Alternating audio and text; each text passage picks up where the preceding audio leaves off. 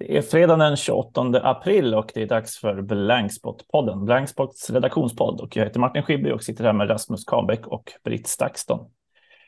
Jag tänkte börja med, jag såg en, en uh, affisch som tyvärr inte är sann, men det påstås vara Ernst Shackletons rekryteringsaffisch för att få med folk på hans expedition till Sydpolen. Eh, och då står det så här, men wanted for hazardous journey, small wages, bitter cold, long month of complete darkness, constant danger, safe return doubtful, honor and recognition in case of success. Då tänkte jag att det där är lite som en annons för att prenumerera för, för Blankspot. Läsare söker till vansinnigt projekt bortglömda konflikter med lågt allmänintressen, ämnen som inte diskuterats på Twitter, personer ingen hört talas om. kom, med, kom, med, kom med och läs. Jag vet inte. Perfekt ju. Vad tror ni om det som underbart ju. prenumerationskampanj? Läsare det kör vi stenhårt på. Läsare söker till vans, vanskligt projekt. ja. Ja, ja, men det låter väl underbart. Det är väl, det är väl precis ja. det vi ska säga. ja. ja, eller hur? Ja. Ja. Tyvärr, jag var ju tvungen att kolla att den, ja, det, det, annonsen har ju aldrig sett ut så där, men eh, det hade varit, det hade, den hade kunnat se ut så. Mm. Vår annons kan se ut så, det är taget. Ja, men vi måste ha ett skepp med liksom segel och lite så. Känner det räcker väl med din segelbåt? Får vi äntligen lite personlighet med i saker och ting. Ja, eller hur? Ja, men den ryms bara 12 pers på kanske. Det är fler prenumeranter än så vill, vill vi ha på vår resa. Ja, men det är ju symbolen. De bär ja. med sig ett skepp själva i, i, in, in their minds efter att man prenumererar. Ja, ja jag vet inte. Men, ja, jag kan inte kolla på bild. Ja, en idé.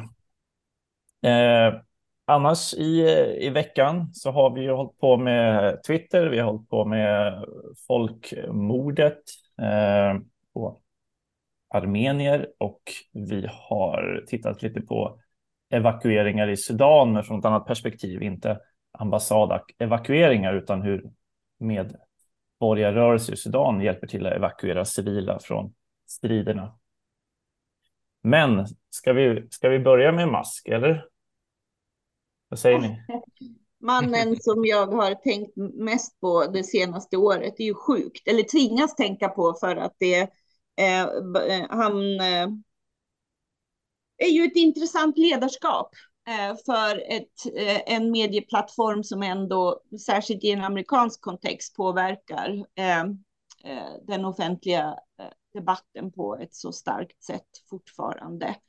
Men de senaste upptag, upptågen var ju framför allt, jag tänker, jag har ju skrivit en längre text som man med som handlar om om det är dags att lämna Twitter. En öppen fundering utifrån att det börjar efter sex, års, sex månaders ledarskap märkas effekten av extrema personalnedskärningar, vilket ju alla techbolag behöver göra. Men han har ju, det är ju 80 procent. Mm. Eh, och så mycket dödkött kan ju inte varje företag ha haft. Och det får konsekvenser på säkerhetsaspekter. Eh, det har ju läckt meddelanden som verkligen är ämnade för en mindre privat diskussion i så kallade Twitter circles som blev offentliga, inte bara för dessa personers nätverk utan eh, är i det rekommenderade för dig-flödet för alla användarna. Mm. Eh, och det, då, då liksom bryter man ju mot löften gentemot användarna på, på ett allvarligt sätt. Och sajten hackar ganska mycket. Återkommande går det inte att publicera tweets och det börjar synas helt enkelt. Men förra helgen är ju lite spännande i relation till att eh, Twitter var ju, tror jag, vad jag vet, den första plattformen som använde en blå bock för att visa att det här är den användare man pratar med, vare sig det handlar om en organisation eller privatpersoner. Och när jag har försökt tänka på det här, vad det har betytt, så eh, den har ju varit värdefull när man har haft internationella kontakter. Eh, jag hade ju en sån blå verifieringsbock och märkte att det skyndade på när man hade internationella kontakter också, men även för en själv i relation till personer som kan ha andra namn. Eh, man kan, det kan finnas andra som heter likadant eller så. Eh, och det är väldigt etablerat, det är en trend som eh, finns vad gäller alla andra tjänster. Facebook kommer koppla det också till att ha ett konto på Facebook och få tillgång till kundtjänst får man också då. Det är en annan sak. Det är dumt att koppla ihop det här med något, men trenden mot angelägenhetsgraden för de som vill att verifiera sin identitet ofta blir skyddade också är ju, det är ju där vi är idag. Mm, mm. Och, och då, det som hände i helgen var att nu skulle de plockas bort. Eh, det har man ju fått ständiga aviseringar om den senaste månaden och det sköts upp och sköts upp. Och när det till slut genomfördes över en natt så eh, den som vill ha kvar den köper ju inte verifieringen, för det sker ingen verifieringsprocess längre. Du ska ha ett telefonnummer och ett kreditkort, det är det, och det kan man ju ha i vems namn som helst och så vidare.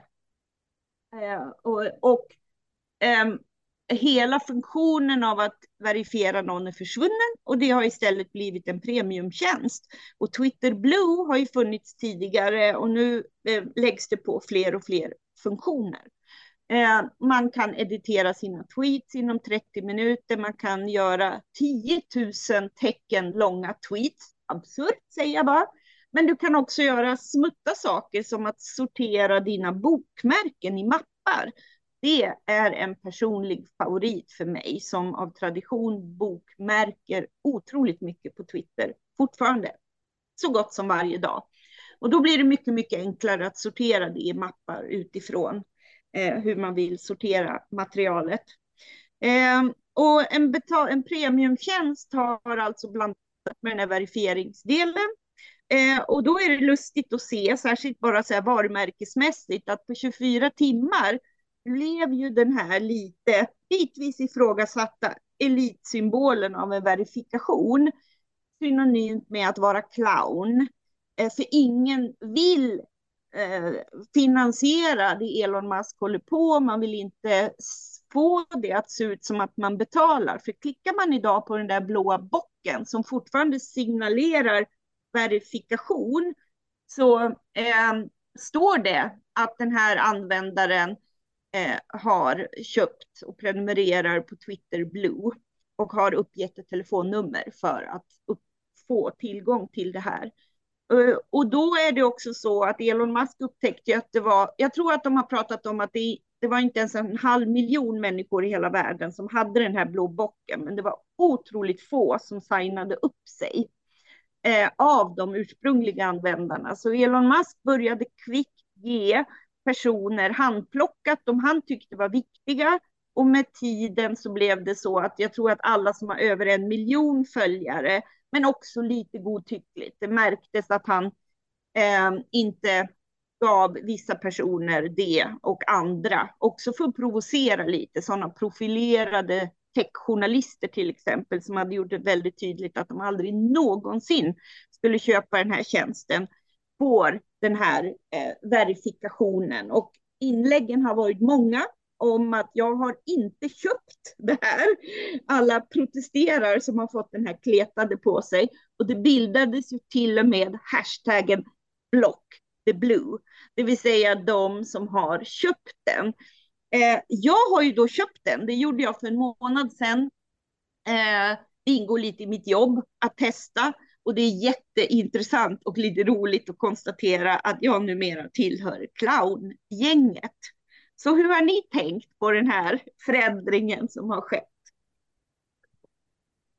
Nej, men jag tycker den är, är jätte, eller spännande ska jag väl inte säga, men jag tycker det är, det är intressant vad du säger. Eh, för att eh, utifrån mitt bevakningsområde där jag ändå eh, sitter vid med den postsovjetiska världen och så vidare, där Eh, där sociala medietjänsten Telegram är jättestor. Jag ser också att det är fler och fler svenskar som ansluter sig till Telegram. Man får alltid en notifikation så fort det är någon man känner som, eh, som skriver upp sig på Telegram-kanalen. delvis ansluter man sig för att den är eh, krypterad eh, till en viss, viss grad i alla fall. Eh, men andra delen är att det är i de här auktoritära staterna, typ Azerbajdzjan och så vidare, men även i Armenien som är en halv, eh, en, en dysfunktionell demokrati brukar jag prata om, eh, så, så är Telegram en eh, en nyhetskanal och de allra flesta människor som man pratar med i de här länderna använder just Telegram som en nyhetskanal. Men just de här nyhetskanalerna där man får skriva upp till, jag tror det är 10 000 tecken där också nämligen. De, de personerna eller de Eh, de människorna som har bloggar eller nyhetsrapportering på Telegram, de har helt plötsligt kommit till Twitter också eh, på grund av de här eh, eh blue, eller blåa checken helt enkelt. Ehm, eh, och och där har det blivit så att mitt i det här mer diskussionsaktiga flödet har det blivit ett nyhetsflöde också.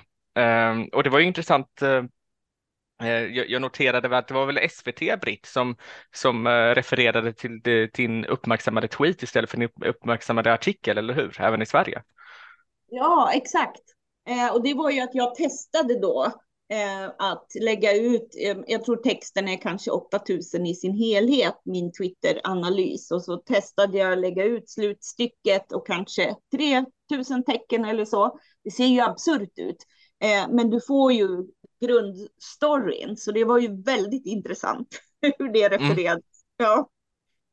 Ja, eller hur? Och det, och det, här har ju hållit på liksom med Telegram-kanaler jättelänge i mitt bevakningsområde och nu helt plötsligt har detta också blivit då på Twitter och det i, alltså, i armeniska och även azerbajdzjanska medier så refererar man ju kors och tvärs till, till det här Ehm, eh, också. Eh, så, att det, nej, men, så att jag tycker att det är så att det inte bara, jag ser inte bara de negativa eh, aspekterna, men jag ser de negativa aspekterna, men jag ser också ett, eh, att, eh, att det har blivit en annan sorts flöde kring detta.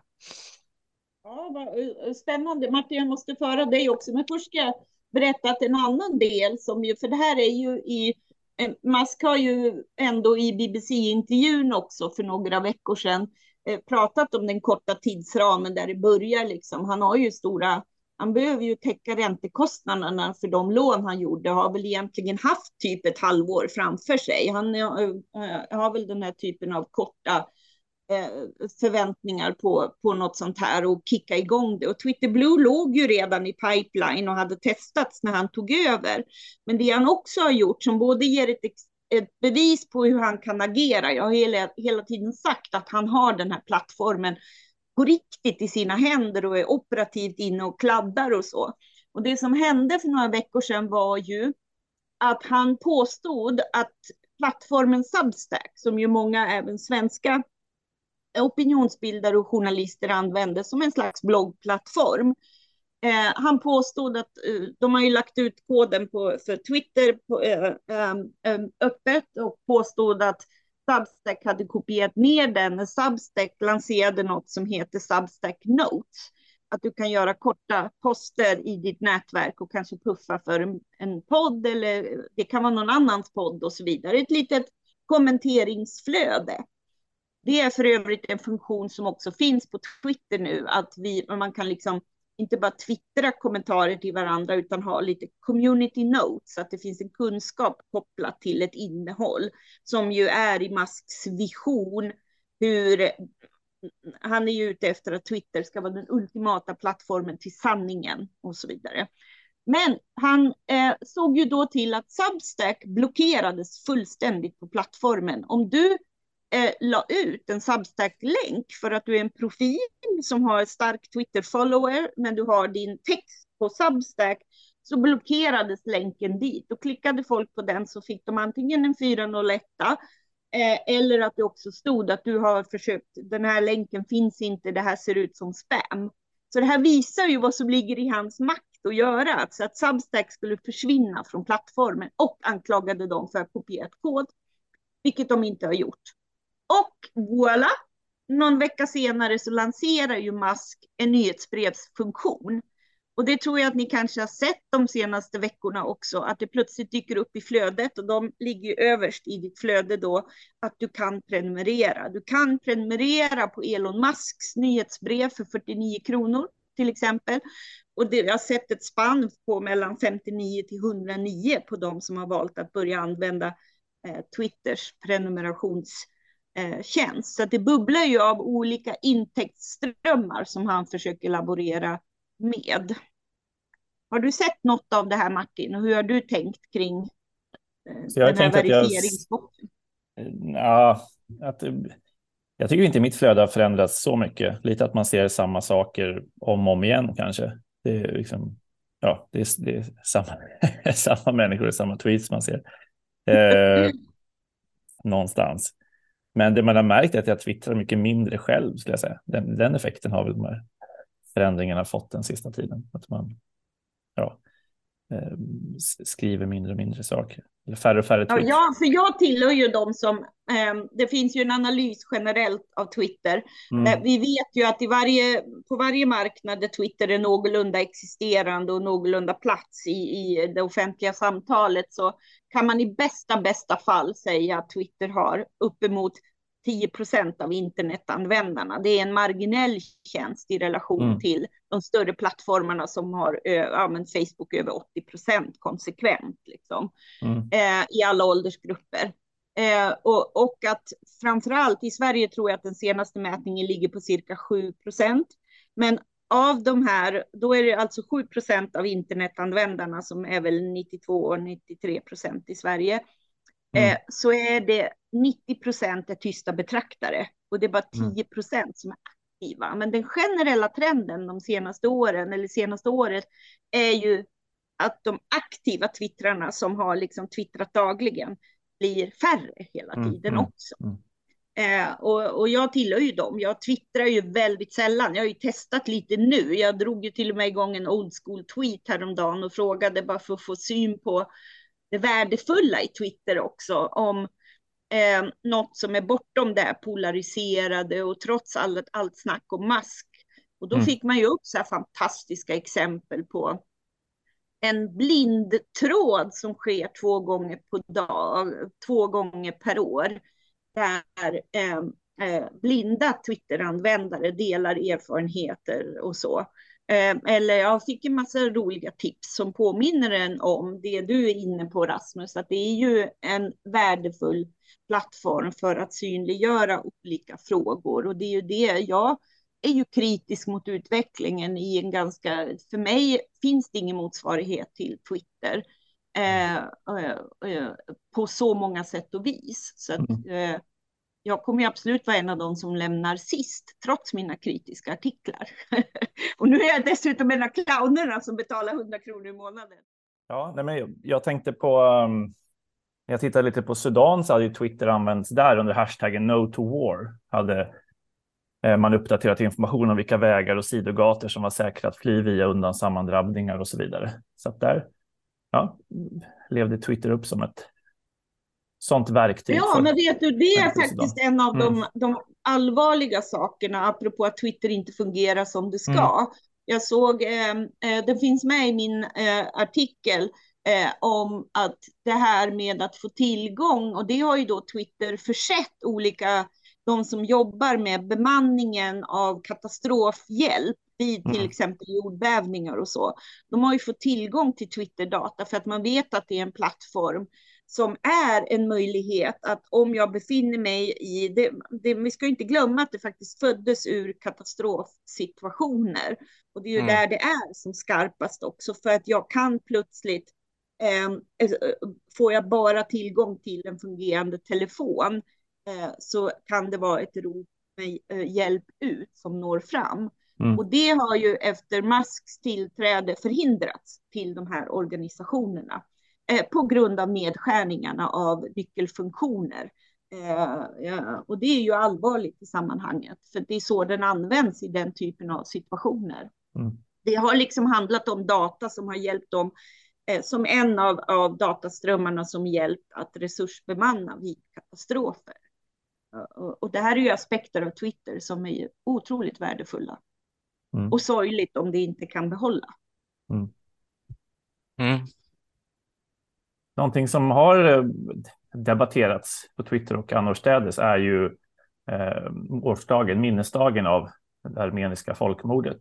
Eh, Rasmus, du bröt, eller vad säger man, publicerade eh, nyheten om att UD hade gått ut och uppmanat eh, ministrar och riksdagsledamöter att kanske inte eh, uppmärksamma det så mycket i år för att inte stöta sig mm. med, med Turkiet. Det blev en jättenyhet i kölvattnet av den här pågående NATO-processen. Eh, sen såg jag att du var på plats i riksdagen och, och ja. höll ett tal under den, under den ceremonin. Eh, kan du kort recappa den. Eh, ja, precis. Den men det är väl en rätt bra, ja. det, är väl en, ja. det är väl en ganska tydlig recap. Eh, ja, och folk, folkmordet mot armenier, assy, assyrier, syrianer, kaldéer och pontiska greker. Eh, det har också blivit en sån här sidodebatt i det hela, mm. att, att man har missat de andra äh, grupperna som också utsattes för folkmordet 1915. Mm. nej, men, men lite, lite, lite kort så handlar det ju om att årligen så håller riksdagen en, en minnesceremoni för för att minnas det här folkmordet mot kristna i Osmanska riket. Och eh, i år så fick eh, Svenska armeniska vänskapsgruppen som håller den här, som framförallt består av ledamöter från regeringspartierna plus SD och sen eh, eh ingår eh, eh, ledamöter från Vänsterpartiet i den också. Ehm, men de, eh, de fick uppmaningar genom sina gruppledare i riksdagen att UD har sagt att det är olämpligt att den här minnesceremonin hålls. Ehm, och eh, det riktade sig framför allt mot moderater, men även men, men budskapet gick även ut genom kristdemokrater och sverigedemokrater, men inte liberalerna. Eh, och eh, det, blev ju en, det blir ju en ganska spännande moraldebatt eller en symbolisk debatt för att eh, nästan all den här diskussionen om NATO-processen har handlat om hur Sverige ska förhålla sig till PKK och kurder så att säga. Mm. Men nu helt plötsligt så, så, tog man in ett annat perspektiv och det handlar ju om ett folkmord som, be, som begicks av Osmanska riket. och och, och, i Turkiet är det ju straffbelagt att erkänna att, folkmordet. Mm.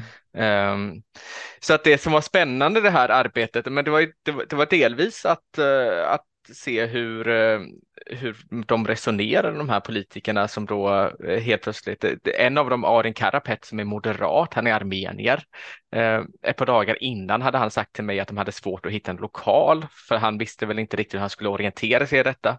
Även i själva riksdagen, nu när jag skulle hålla tal, det var, tankt, det var tänkt att jag skulle hålla tal ganska länge, men jag släppte en bok om, om konflikten Nagorno-Karabach. Eh, så, eh, så, så fanns det en nervositet att prata inför media eh, kring, kring de här frågorna mm. på grund av den här moderata partipiskan. Då.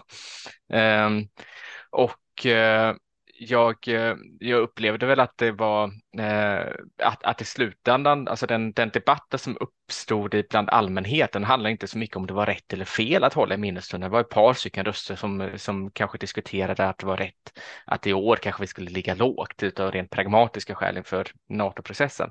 Men det, det var som om det var ganska tydligt att det var ingen som egentligen ifrågasatte om folkmordet faktiskt har skett. Och detta är en sån återkommande debatt vi har i, diskussion vi har i Sverige år efter år efter år och regering efter regering efter regering mm. Eh, så kommer det alltid tillbaka till alla vet att det här folkmordet skedde 1915 men ingen regering vill erkänna det eh, på grund av att man inte vill stöta sig med Turkiet. Eh, och i år blir det ju extra tydligt med NATO-processen och så vidare. Eh, och förmodligen, eh, som, eh, som Björn Söder sa från Sverigedemokraterna i något uttalande till SVT och Sveriges Radio så hade det ju inte blivit en diskussion överhuvudtaget, eh, rent en medial diskussion om det inte vore så att UD hade försökt mm. lägga sig i detta. Den andra aspekten med UDs uh, försök att lägga sig i det är ju, okay, men var går gränsen om man, är, om man är utrikesminister och skickar ut en sån här uppmaning eller direktiv? Uh, han hävdar ju själv att det inte var ett direktiv, han hävdar att det var en uppmaning, vad nu skillnaden är. Uh, den andra delen är att han säger att han hade på sig moderathatten när han mm. gjorde det och inte utrikesministerhatten, vilket också blev en ganska märklig diskussion när man ändå sitter på ämbetet som utrikesminister. Men eh, det blev av i alla fall och, eh, och ingen verkar ju tycka att det, att det var fel. Alltså det, bland den, all, den stora eh, debatten i alla fall att det, att det var fel att det blev av. Mm. Och Turkiet har inte reagerat heller mm. på detta. Men det är också en annan, en annan intressant aspekt av det hela är ju att USA erkände ju folkmordet 2021 det var när Ann Linde eh, gick ut och sa att det var ett massmord och mm. inte ett mm. folkmord. Då. Eh, I år så gick Vladimir Putin ut också, vilket är en allierad, eller börjar närma sig Turkiet väldigt mycket. Han kallar det också för folkmord, men Turkiet reagerade i år mot Joe Biden i USA men inte mot Vladimir Putin och de reagerade mm. inte mot Sverige. Så att det är ganska tydligt att det, även i Turkiet finns det ju en, en politisk pragmatism mm. kring detta. Eh, och jag vet inte om det finns någon indikation på hur det kan påverka NATO-processen. Eh, men det jag också vill ha sagt är att eh, bara två dagar efter min artikel kom ut eh, om, om det här skopet eh, så släppte justitieministern, eller så hade så kallade justitieminister, eh, eh, justitieministern till en konferens, för då har riksdagens Eh, parlamentariska grupp för ett betänkande kring ett EU-direktiv mot Sverige släppt en ny utredning. Och den utredningen eh, går då ut på att man, man har fått direktiv från EU att undersöka hur vi kan utöka lagstiftningen kring hets mot folkgrupp, särskilt inriktat på förringande mot folkmord. Och nämns det armeniska eh, där då? Det, det gör det ju inte. Däremot nämns en, en rad andra, så att förintelsen nämns i detta. Folkmordet i Rwanda nämns. Srebrenica mm. tror jag nämns också. Så att det mm. finns ett antal folkmord som faktiskt nämns, men inte mm. men inte det här folkmordet med kristna i Osmanska riket. Och då blir det eh, så att just nu sitter jag och håller på att försöka gräva lite och men vad innebär den här utökade lagstiftningen mot hets mot folkgrupp mm. och så vidare. Um, och så, så det, det, är också en sån spännande förlängning av det hela när, och det blir väldigt tydligt att, och det vet vi ju redan sedan tidigare år, att det är en, att det är en politisk debatt och det är inte mm. en juridisk debatt så att säga. Ja, ehm, jag tänker senast någon verkligen trampade i folkmordsklaveret var ju när Infantino återvaldes som Fifa-president så hölls ju den kongressen i Rwanda. Eh, och då mm. hade han precis varit på Rwandas folkmordsmuseum eh, innan han höll sitt liksom, tacktal och, och kom tillbaka och sa att eh, det här hade verkligen inspirerat honom till att liksom, kandidera för FIF. Ja, det blev en väldigt obehaglig twist, ja. twist på det. Men det att, att folkmordstermen är så laddad har väl också att göra med att den liksom kommer man fram till att det är ett folkmord som har skett så implicerar det att det måste hända en massa politiska saker då i världssamfundet. Är det ett pågående folkmord, ja då är det liksom skydd för individer, då kan liksom, ja, FN-resolutioner tas fram och man kan agera stenhårt på ett helt annat sätt än, än om man bedömer att det inte är ett pågående, alltså man pratar om mm. urtida.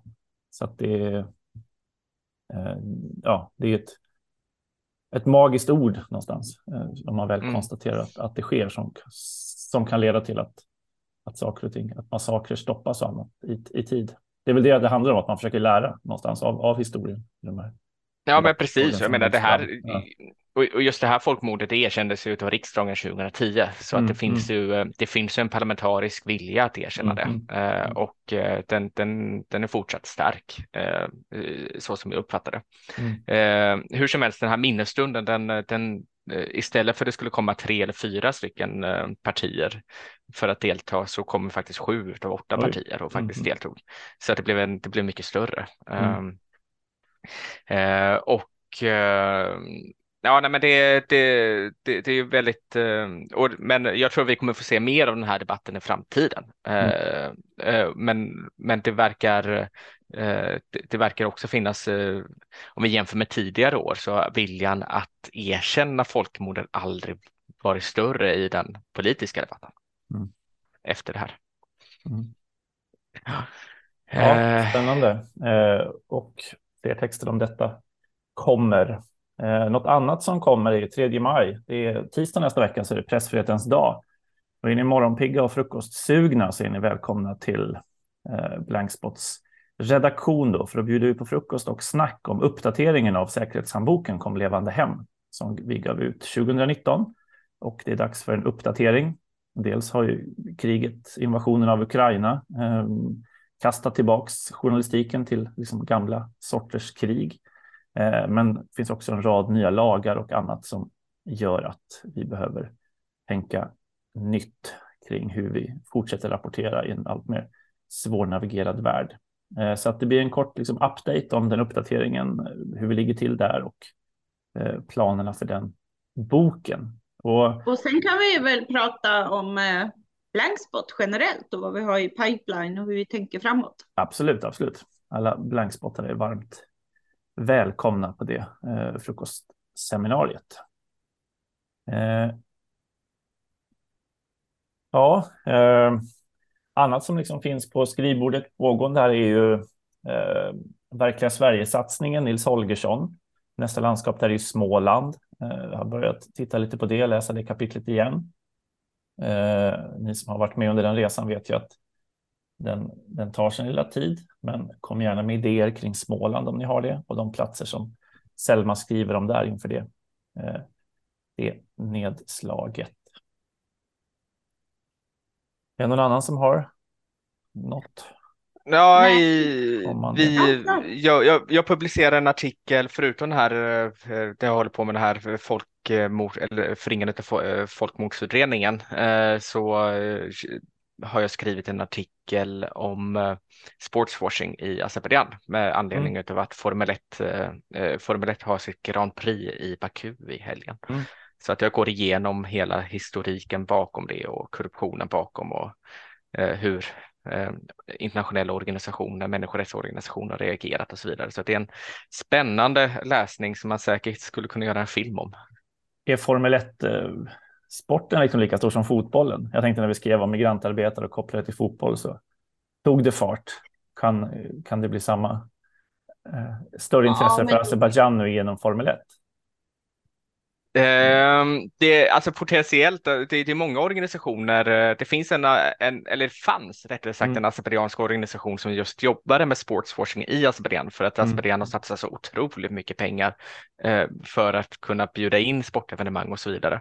Eh, lite i skuggan av alla andra eh, länder, Qatar och, eh, och Saudiarabien och så vidare. Mm. Eh, men, men Azerbajdzjan är ju faktiskt den största investeraren i Formel 1-sporten i hela världen eh, vilken inte så många som känner till. Men den här azerbajdzjanska organisationen har klagat på att det är väldigt svårt att få till eh, att bjuda in influerare och kändisar att faktiskt engagera sig i Azerbajdzjan. Eh, och de vet inte riktigt vad de ska göra åt det. Den organisationen lades för övrigt ner 2017 för, efter påtryckningar från azerbajdzjanska staten. Mm. Ja, men det finns ju en potential, eh, Martin. Jag blev ju så förvånad att alla unga i min närhet plötsligt började prata om Formel 1. Och eh, mm. eh, jag har ju en eh, bror som hade Ronnie Pettersson som sin stora idol och eh, där jag är född i Steiermark så ligger ju Zeltweg som är en av arenorna. Så Formel 1 och Niki Lauda eh, som dessutom köpte flygbolag och jag har ju en bakgrund i resebranschen i min familj och så. Så Formel 1 har alltid funnits i mitt liv sådär mm, som, mm. som något man regelbundet tittar på och pratar om och har koll på och så. Så börjar plötsligt alla unga prata om det och det är ju den här Netflix-serien. Eh, mm, Drive, Drive, to, survive. survive. Ja, och den eh, är väl uppe i i alla fall fyra säsonger, fem tror jag. Um, ja, så att det, det, det, finns en potential Martin. Är det, det här vår nästa sport? Vi ska, ska, vi göra, ska vi göra små bilar? Eh, ja. små, små bilar, varje bil bär en berättelse ja. om man öppnar motorn. Ja, nej, det är en, eh, alltså det är en, eh, det är en sunkig värld Formel 1. Ja. Eh, till skillnad från, från fotbollsfederationen så, så ägs den nu rättigheterna till Formel 1-sporten utav ett företag. Mm. Eh, och det företaget har varit eh, skrupelfritt eller skrupellöst eh, kring vilka länder de samarbetar med. Eh, så att eh, jag har lärt mig jättemycket av att gräva i det här, inte bara om Azerbajdzjan utan även om hela Formel 1-sportens ja. sunkighet. Ja, men då är det ju taget. Vi måste fortsätta djupa i detta helt enkelt. Mm. ja. Ja. Ja. Eh, eh, det låter bra. Från Shackleton till Formel 1 på Bakus gator. Eh, tackar för detta. Eh, gå in och läs nyhetsbrevet kommer som vanligt på söndag och som sagt eh, pressfrihetens dag 3 maj och mycket annat. Eh, smaskigt i kommande nyhetsbrev. Med det så får vi önska trevlig helg, trevlig valborg och eh, ses i din inbox så småningom. Snyggt. Ja. Hej! Ha det gott!